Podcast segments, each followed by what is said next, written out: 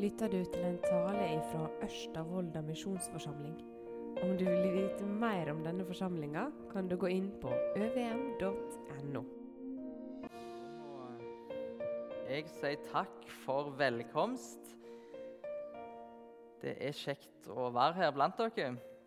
Jeg går på Fjellheim, som sagt, på eh, Bibel og formidling, som det heter. Og da er vi da er det litt sånn todelt at vi på, på skolen eh, ca. halvparten av tida og har litt undervisning. Og så er vi ute og reiser litt, sånn som nå, og, og vitner om Jesus. Så Det syns jeg var kjekt å komme her til Volda. Jeg var faktisk her en tur i sommer. Da var jeg på en liten bil, bilferie. Så da var jeg her eh, en tur i Volda. Var innom gjenbruken her. er vel rett rundt i hjørnet, kanskje. Der var jeg innom i alle fall. Før vi kjørte videre. Jeg må si litt eh, kanskje mer om hvem jeg er. Jeg er 25 år. Utdanna tømrer, så det har jeg gjort eh, Jeg gikk faktisk på Fjellheim for eh, fire år siden. Da gikk jeg på den der linja vanlige, den bibelskolen for å si det sånn, for fire år siden. Og så har jeg jobba som tømrer siden den tid, i, tre-fire år før jeg er tilbake igjen på Fjellheim. Og så er jeg eh, gift. Og det hører du at det er kanskje ikke noe ideelt å gå på bibelskolen når en er gift, for kona hun er faktisk i Stavanger for øyeblikket, og jeg er oppe i Tromsø. Så jeg, eh, jeg begynte litt seint Eh, på bibelskolen, så jeg begynte i oktober. Og så skal hun komme opp til, til, jul, og da skal hun òg bo i Tromsø. Så det gleder jeg meg til. Så skal jeg òg en hjem nå etter jeg har vært her hos dere i Volda og på besøk. Så det ser jeg fram til. Eh, og så har jeg eh, gleda meg til kvelden, og så har jeg òg eh, vært ganske spent. Det er litt spesielt òg for meg å undervise her. Det er noe som er nytt for meg. Og så er det kanskje litt eh, annerledes tema, dette med baktalelse, eh, enn det som kanskje dere er vant med fra tidligere på disse kveldene. Eh, et ganske alvorlig tema. Eh, men jeg tror allikevel at det er et, et viktig tema, et veldig aktuelt tema. Det er et tema som Bibelen sier en hel del om. Eh, og så er det et tema som er ganske personlig for min del. Eh, jeg kjenner at dette er noe som treffer meg, noe som jeg syns er utfordrende i mitt liv. Og kanskje gjelder det for noen som sitter her òg. Jeg tror på en måte det er aktuelt for oss alle, for eh, alle her i salen tror jeg har baktalt, og alle har kanskje blitt baktalt. Så jeg tror liksom det er ingen som er helt utenom dette temaet. Og så tror jeg kanskje også dette med baktalelse kan være litt som en, sånn, en utbredt synd kanskje òg i kristne sammenhenger. At det er noe som kanskje har blitt litt eh, akseptert, om en skal bruke det ordet. Eh, og Derfor hadde jeg lyst til å ha litt fokus på det i dag. Skal vi se Hva er baktalelse? Så vi starter litt med Det Det er kanskje mange som har en formening om hva det med baktalelse er. Eh, det er jo altså, nedsettende uttale bak noen sin rygg. Det å snakke noen, snakke noen ned, eh, si ting om noen andre så den personen ikke drar fordel av. Og Det er noe også som er nært beslekta med et bud, altså det åttende budet. Du skal ikke lyge, eller som det også står egentlig, du skal ikke si falskt vitnesbyrd mot din neste, står det i andre Mosebok. Men da er det jo fort å trekke en slutning at det, er det bare det som er løgn eller falskt vitnesbyrd som er baktalelse. Det skal vi også komme litt inn på eh, seinere. Luther han har en forklaring til dette budet, det åttende budet. Og Da sier han at det, vi skal frykte og elske Gud, så vi ikke svikter vår neste og lyver om ham, baktaler eller setter ut falske rykter om ham, men unnskylder ham, snakker pent om ham og tar alt i beste mening. Dette budet, og det åttende bud med at en ikke skal si falskt vitnesbyrd, eh, det er egentlig et bud som er gitt oss som et, som et vern. Det er en Gud som ønsker å beskytte meg og beskytte deg. Det handler jo om vår neste. Og hvem er min neste? Jo, det er du som sitter i salen. Og hvem er din neste? Det kan være meg som står her. Eh, så vi har liksom fått et bud for, å, eh, for at Gud han ønsker å beskytte oss mot falske rykter, mot at folk snakker negativt om oss.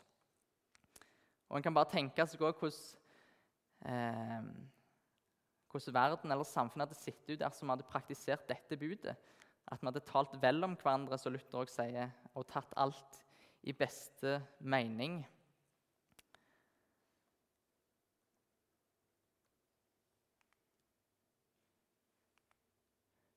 Hvorfor baktaler vi?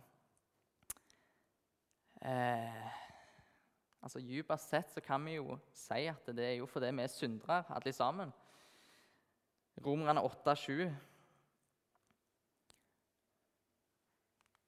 så står det at det forskjøtets attrå er jo fiendskap mot Gud. For det er ikke Guds lov lydig, kan heller ikke være det. Altså I utgangspunktet så er vi jo født med ryggen mot Gud. Vi er jo født med synd. Eh, og så er det òg noe som kommer innenfra, ifra hjertet. Det sier også i Matteus så står det at det for fra hjertet kommer onde tanker, mord, hor, utukt, tyveri, falskt vitnesbyrd og spott. Og Da kommer jo et spørsmål eh, skal vi da unnskylde det og si at det, vi er jo syndere alle sammen. Det er jo sånn vi er. Vi kan ikke være Guds lov lydig, som det står her. Eh, men det vet jo vi som er her inne òg, at det er ikke noe vi kan unnskylde av den grunn. Eh, vi som har fått del i både nåden og, og frelsen. Vi har fått en, en, ny natur, en som står imot den gamle naturen. Jesus han har jo flytta inn. Så har vi fortsatt denne naturen med oss og bærer med oss. Men så er vi òg kalt til å leve et, et hellig liv etter Guds vilje.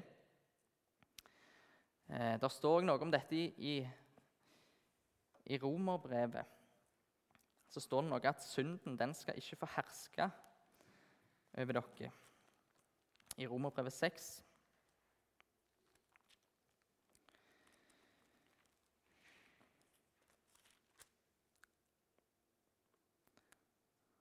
står det i vers 1 og 2 der, så skal, står det Hva skal vi da si? Skal vi bli ved i synden for at nåden skal bli dess større? Så sier Paulus langt derifra. Vi som er døde fra synden, hvordan skulle vi, hvordan skulle vi ennå leve i den? Og I vers 14 står det for synden skal ikke få herske over dere. For dere er ikke under loven, men under nåden. Eh, hva skal vi da egentlig med loven? Det står jo at vi, vi er under nåden. Skal vi da bry oss om loven i det hele tatt? Eh, loven den har jo flere funksjoner, og noen av dem skal vi se litt på.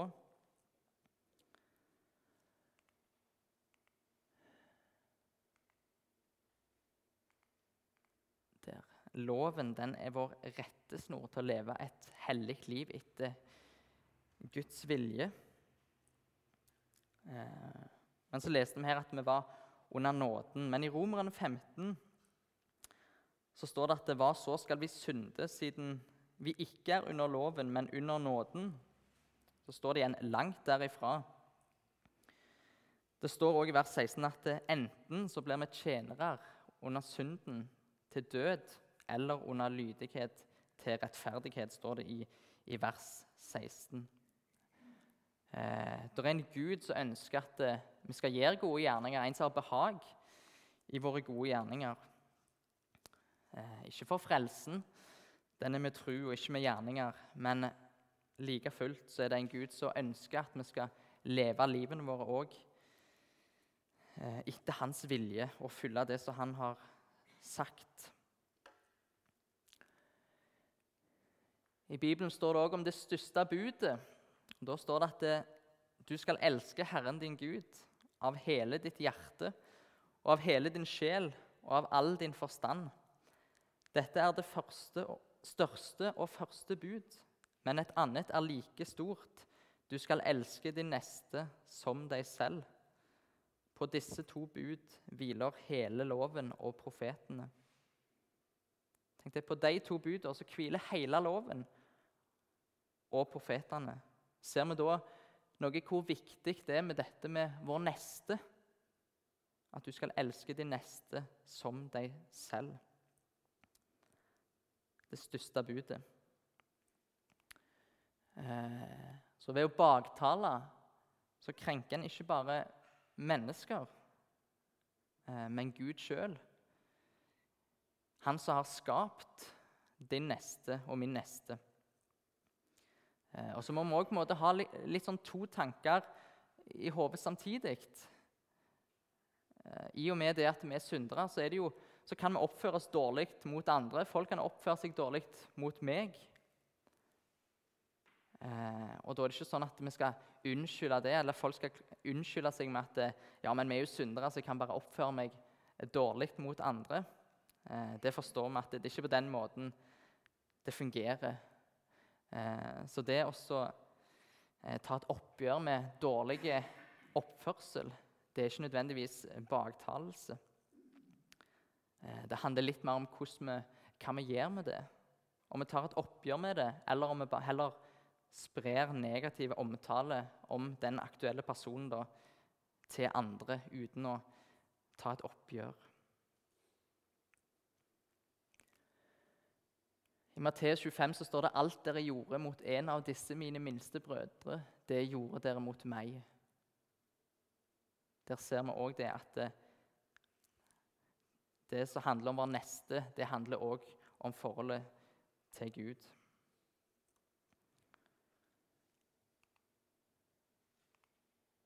Hvorfor baktaler vi? Det er kanskje mange grunner til det. Opphøye seg sjøl tror jeg er veldig vanlig. Med å snakke noe ned så prøver vi å løfte oss sjøl litt høyere opp. Eller en annen ting. Den gode drøsen har jeg satt i sånn hermetegn. Jeg vet ikke om du har merka det, men baktalelse fører alltid til en, at en samtale går lett. Stort sett så elsker folk det å høre sladder eller rykter. Hvis noen sier 'Har du hørt hva den gjorde?' eller 'hva den har sagt', så er det som at folk spisser ørene, og så er det liksom som en magnet. Du får alle sin oppmerksomhet. Um, og så er det en så stor kontrast òg dersom noen sier noe positivt, noe fint om en annen. Så er det ikke like lett å holde samtalen gående. Da dør han fortere ut.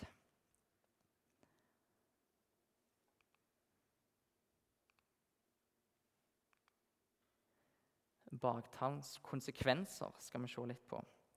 Hvilke konsekvenser er det med å baktale?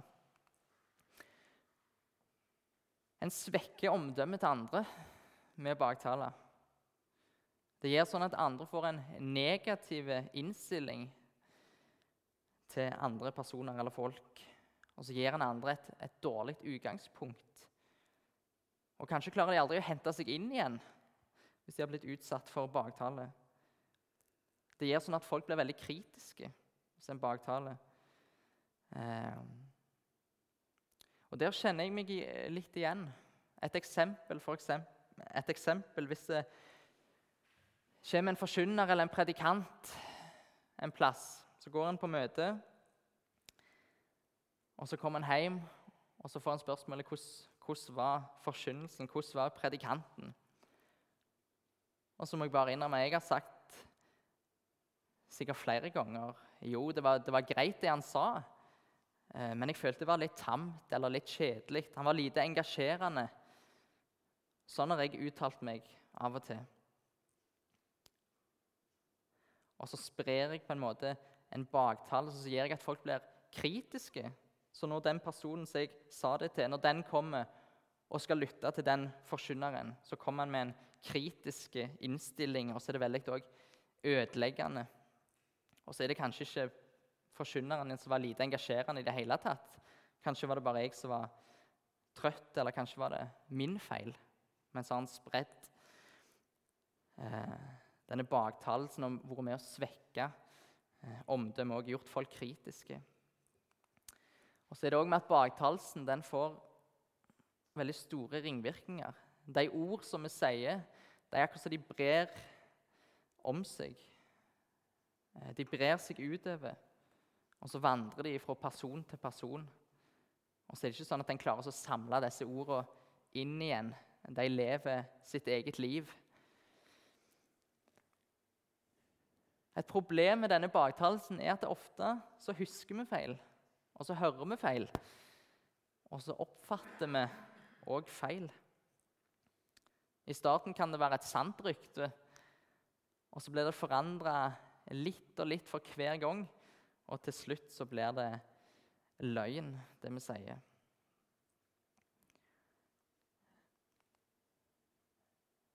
Det er veldig fort gjort at vi er med på å skape en, en ukultur i våre sammenhenger.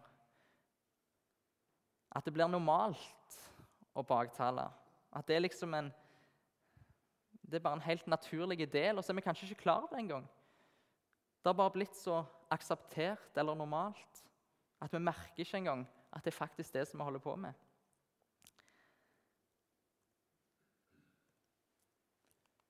Med å baktale så stjeler en òg noen sitt gode navn og rykte. Brudd på budet at du skal ikke stjele.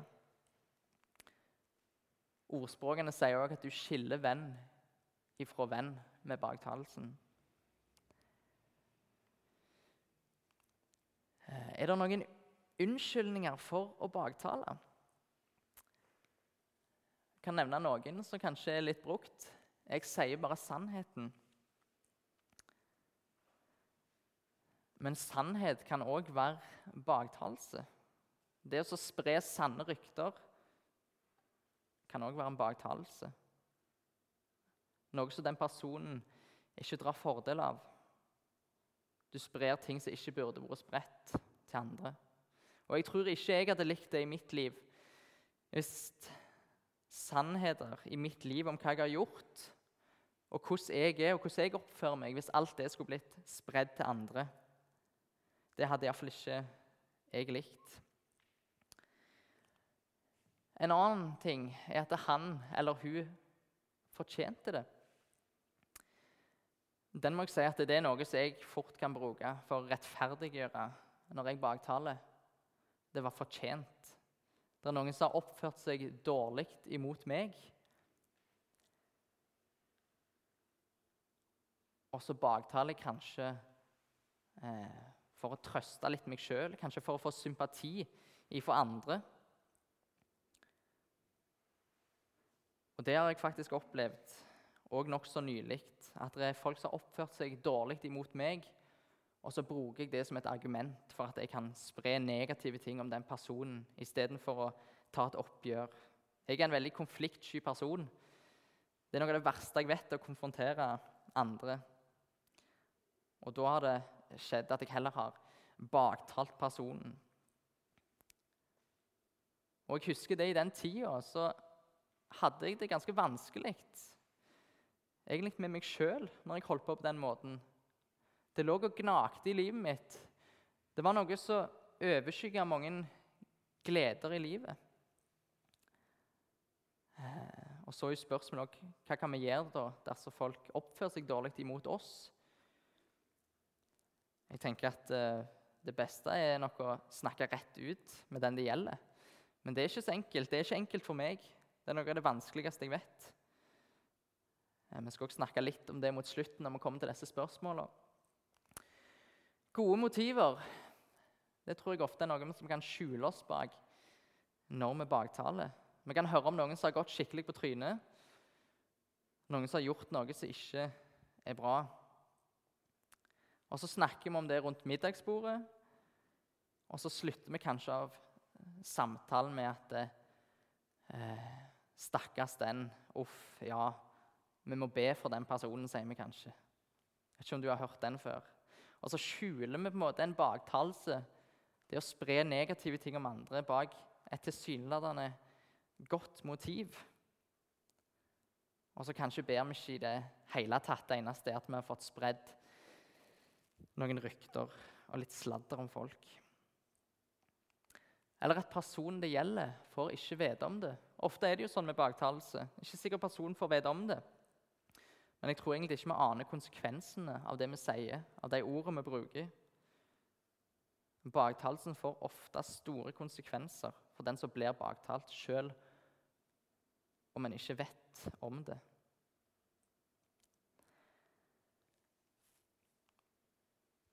Det står noen eh, vers i Jakob 3 som går på dette med tungens makt. De ordene som vi bruker. I Jakob 3, fra vers 4, så står det Se også skipene, som er så store og drives av sterke vinder. De styres av et ganske lite ror dit hvor styrmannen vil. Slik er det også med tungen. Den er et lite lem, men taler likevel store ord. Se en liten ild, hvor stor en skog den setter i brann. Også tungen er en ild. Som en verden av urettferdighet står tungen blant våre lemmer. Den smitter hele legemet og setter livshjulet i brann, og selv blir den satt i brann av helvete. For all natur, både hos villdyr og fugler, krypdyr og sjødyr, kan bli temmet og er blitt temmet av den menneskelige natur. Men tungen kan ikke noe menneske temme. Den er et ustyrlig onde full av dødelig gift. Med den velsigner vi Herren og Faderen, og med den forbanner vi menneskene som er skapt etter Guds bilde. Av samme munn går det ut velsignelse og forbannelse, mine brødre. Det må ikke være slik. En kilde lar det vel ikke strømme fram både friskt vann og bittert vann av samme oppkomme. Her så ser vi dette med tungens makt. Det vi sier, hvor enorme konsekvenser det får. Vi skal gå litt eh, til noen eh, plasser i Bibelen. Hva sier Bibelen konkret om dette med baktalelse? Tredje Mosebok, du skal ikke gå omkring og baktale folk. Du skal ikke stå din neste etter livet. Jeg er Herren. Du skal ikke hate din bror i ditt hjerte, men du skal irettesette din neste for at du ikke skal få synd på deg for hans skyld. Du skal ikke hevne deg og ikke gjemme på vrede mot ditt folks barn, men du skal elske de neste som deg selv. Jeg er Herren. Dette er jo ord som er talt til israelsfolket. Men så finner vi òg mange andre plasser i Bibelen som underbygger dette. Så står det 'Jeg er Herren'. Det er som han sier at 'dette er mine krav til deg'. Dette er min vilje mange eksempler her. Salme 101.: Den som hemmelig baktaler sin neste, ham vil jeg utrydde. Salme 50.: Din munn slipper du løs med ondt, og din tunge spinner svik. Du sitter og taler mot din bror, du baktaler din mors sønn. Dette har du gjort, og jeg har tidd. Du tenkte jeg var som du, men jeg vil straffe deg og stille det fram for dine øyne.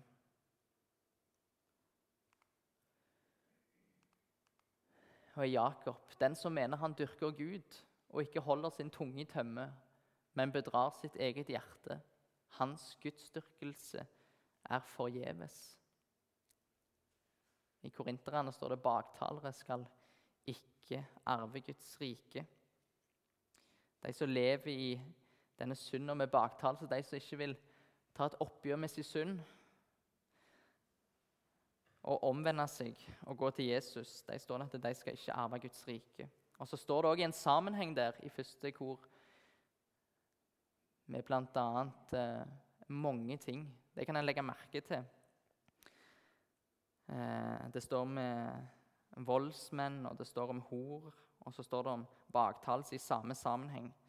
Ofte kan vi være så flinke til å rangere syndene, men dette står i samme verset alle de andre tinga. Baktall så ser vi er alvorlig å leve i en slik synd.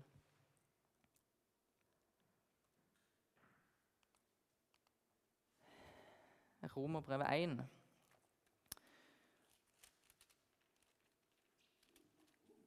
Skal vi ta med noen vers ifra?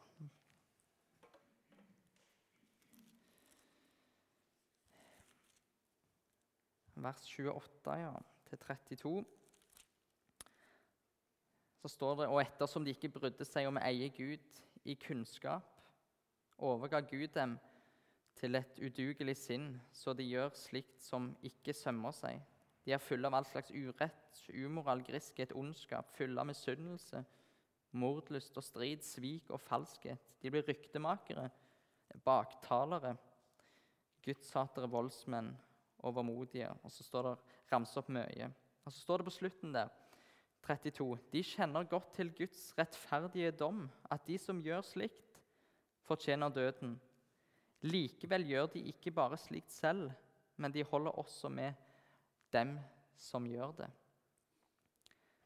Jeg syns det er veldig alvorlig å lese disse versene. Det er brutalt. Og spesielt dette på slutten, at de kjenner godt til Guds rettferdige dom. Likevel så baktaler de.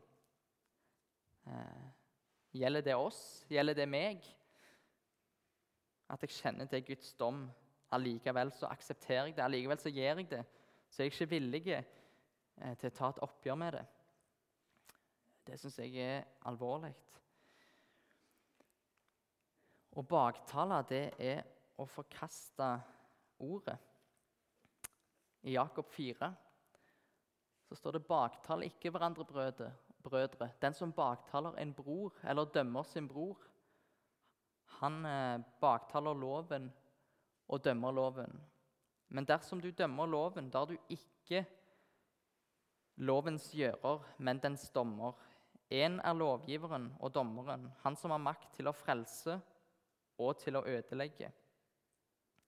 Men du, hvem er du som dømmer din neste? Hvem er du, hvem er jeg, som setter oss opp imot Gud og det som han har sagt? Da står det her at han er med på å forkaste ordet, forkaste Gud sjøl.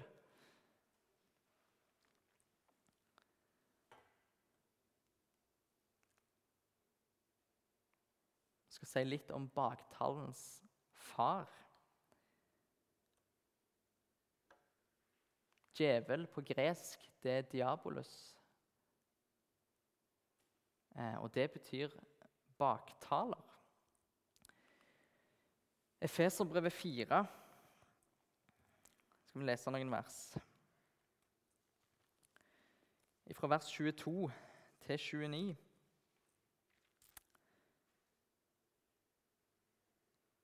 Så står det når det gjelder deres tidligere ferd, så må dere nå avlegge det gamle mennesket, som er fordervet ved de forførende lyster, men bli fornyet i deres ånd og sinn, og iklære dere det nye mennesket, som er skapt etter Gud, i den rettferdighet og hellighet som er av sannheten. Legg derfor av løgnen og tal sannhet, vær med sin neste. For vi er jo hverandres lemmer. Bli vred, men synd ikke. La ikke solen gå ned over deres vrede, og gi ikke djevelen rom står det i vers 29. La ikke råttent snakk gå ut fra deres munn, men god tale som er nødvendig til oppbyggelse, og som blir til velsignelse for dem som hører på. Gi ikke djevelen rom, leste vi her. Eh, og den som baktaler, den gir faktisk djevelen rom inn i livet sitt. Og det er en mulighet som han benytter seg av. Hvordan baktaler djevelen? Jeg tror at når djevelen baktaler på en måte, så er at han kommer ofte med en, en halv sannhet. Han er en som misbruker sannheten. Han vrir på sannheten. Du som har gjort det og det og det, du kan ikke være en kristen. Gud har jo en mye høyere standard enn det som du klarer å leve opp til. Sånn tror jeg djevelen ofte kommer. Og så er det noe sant i det, men allikevel så kommer han med en, en halv sannhet. Kanskje sier han òg at det, er det så farlig, dette med baktalelse? Du sier jo bare sannheten. Sånn tror jeg djevelen ofte opererer akkurat inn mot dette her. Det er iallfall min erfaring. Så kom djevelen til Eva i Edens hage og så sier han at har Gud virkelig sagt at dere ikke skal ete av noe tre? Og så vrenger han på det som Gud har sagt. Han hadde jo sagt at de kunne ete av alle tre utenom det ene. Og så sier han, drar han det i tvil. Har Gud virkelig sagt? Og så ødelegger han Evas forhold til Gud. Og Sånn tror jeg òg han ønsker å ødelegge vårt forhold, eh, både til Gud og til andre mennesker rundt oss.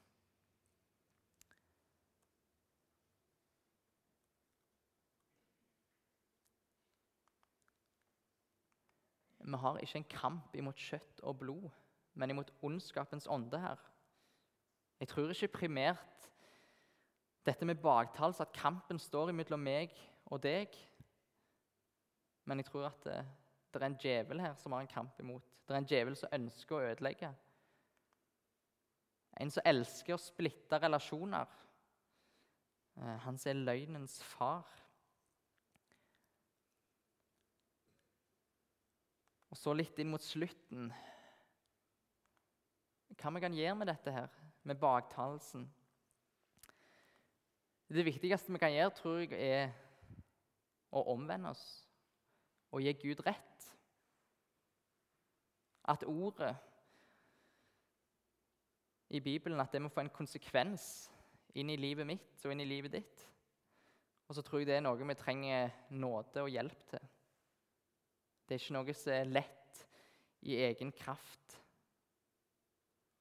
Og Det tror jeg er så viktig også, at vi må be om. Å få hjelp og få nåde til å omvende oss. Om, omvend meg du, står det ved en plass, så blir jeg omvendt. Første Peter sier, legg derfor av all ondskap, all svik og hykleri, misunnelse og all baktalelse. Legg derfor av, sier han. Hvorfor skal vi legge det av? Jo, det står senere i kapittelet at vi er gjenfødt. Så står det 'ved Guds ord'. Derfor skal vi legge det av. Og Senere står det at Herrens ord blir til evig tid, står det i 1. Peter. Derfor skal vi legge det av og omvende oss. Og så har jeg skrevet at det er med bibeltru. Og det er kanskje en tanke som så både jeg og kanskje flere liker å tenke at det, ja, jeg er bibeltru, jeg tar ordet på alvor. Men dersom jeg skal være bibeltru, så må òg jeg bøye meg for ordet. For det som står om, om dette med baktalelse, det må jeg bøye meg for. Så en veldig konkrete ting inn mot dette med baktalelse. Hvis en er i en situasjon, så tror jeg en kan forlate situasjonen. Eller kanskje enda bedre si ifra. Eh, at dette ikke er greit. Det krever en del mot, eh, men det, tror jeg er absolutt det beste.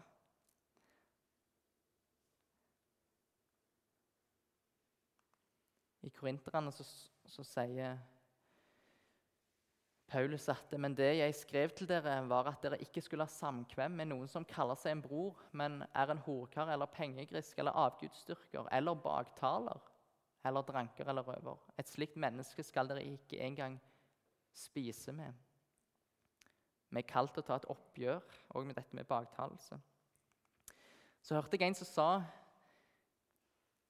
at vi kristne vi er kalt til å være termostater og ikke termometer. Jeg syns det var et, et, fint bilde hvis dere er med på den. At vi skal være med inn i en sammenheng, og så skal vi være med og senke temperaturen. Vi skal ikke kaste bensin på bålet og inn mot dette med baktalelse. Vi skal gjøre sånn at eh, miljøet og klimaet blir levelig. Vi skal være termostater og ikke termometer.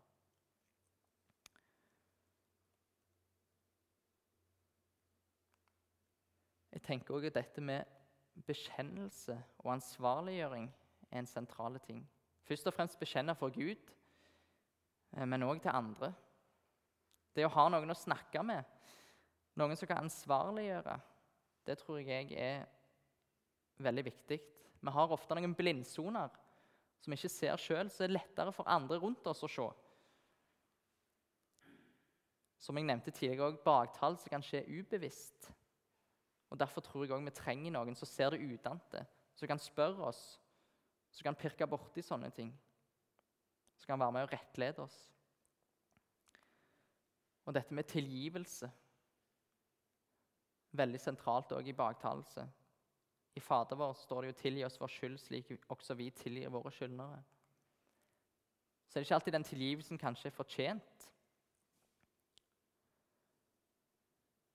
Og ikke er det lett å tilgi heller. Ofte klarer vi kanskje ikke å tilgi engang. Der tenker jeg kanskje at det er en stor forskjell på det å ikke klare å tilgi og ikke ville tilgi. Jeg tenker Det er viktig at den som baktaler, den bør bekjenne og be om tilgivelse. Og den som blir baktalt, bør tilgi om en ikke klarer det. Iallfall å gå til Gud med det og si det at 'jeg klarer ikke å tilgi, tilgi dette, men jeg skulle ønske jeg kunne klart det'. Kan du hjelpe meg, Gud? Og som sagt så er det ikke alltid den tilgivelsen er fortjent med baktalelse. Folk har oppført seg dårlig imot oss. Men den tilgivelsen som jeg har fått, som du har fått av Gud, er den fortjent på noen måte? Slett ikke, tenker jeg. Og Derfor tror jeg òg vi skal tilgi de som gjør urett imot oss.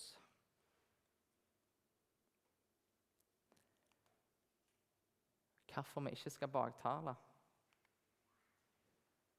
Å baktale stenger oss ute fra samfunnet med Gud om vi ikke vil omvende oss og gå til Jesus med det. Men så står det noe om oss å leve i lyset og vandre i lyset.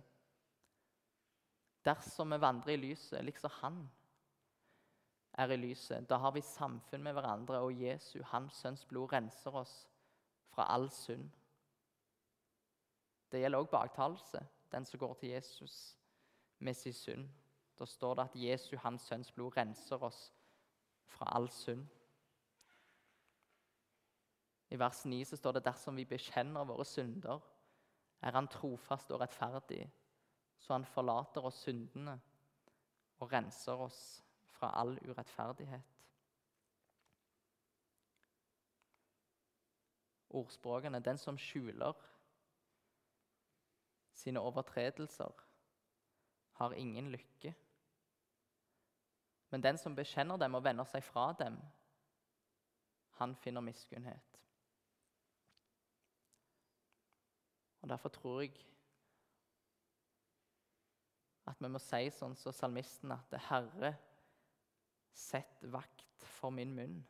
Må du hjelpe meg til å leve et hellig liv etter din vilje. Og så er det sånn at vi kommer til å feile gang på gang. Eh, men den som lever i lyset, han går til Jesus med sine synder. Og der finner han òg nåde og tilgivelse og syndenes forlatelse. Òg når det gjelder det med baktalelse. Så trenger for min del personlig så trenger jeg å komme på ny og på ny med dette her. Jeg har så lett for å baktale, for å spre negative omtale om andre. Derfor er òg min bønn at eh, Jesus, må du hjelpe meg å leve livet mitt etter din vilje. Må du òg hjelpe meg til å elske min neste og tale vel om min neste. Herre, sett vakt for min munn.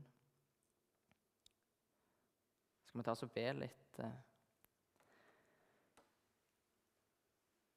Kjære Jesus, du ser det som vi har gått gjennom nå.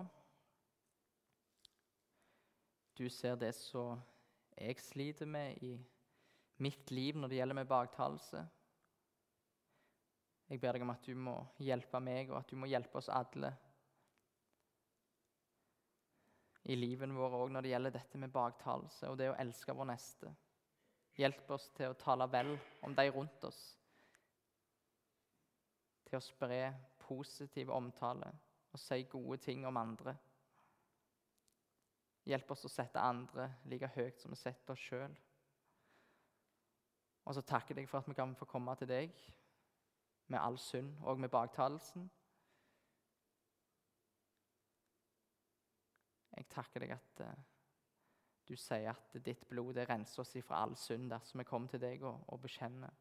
Så har du nåde, så har du tilgivelse og syndens forlatelse, Jesus.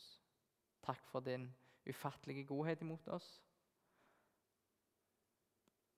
Må du sette vakt for munnen vår. Amen.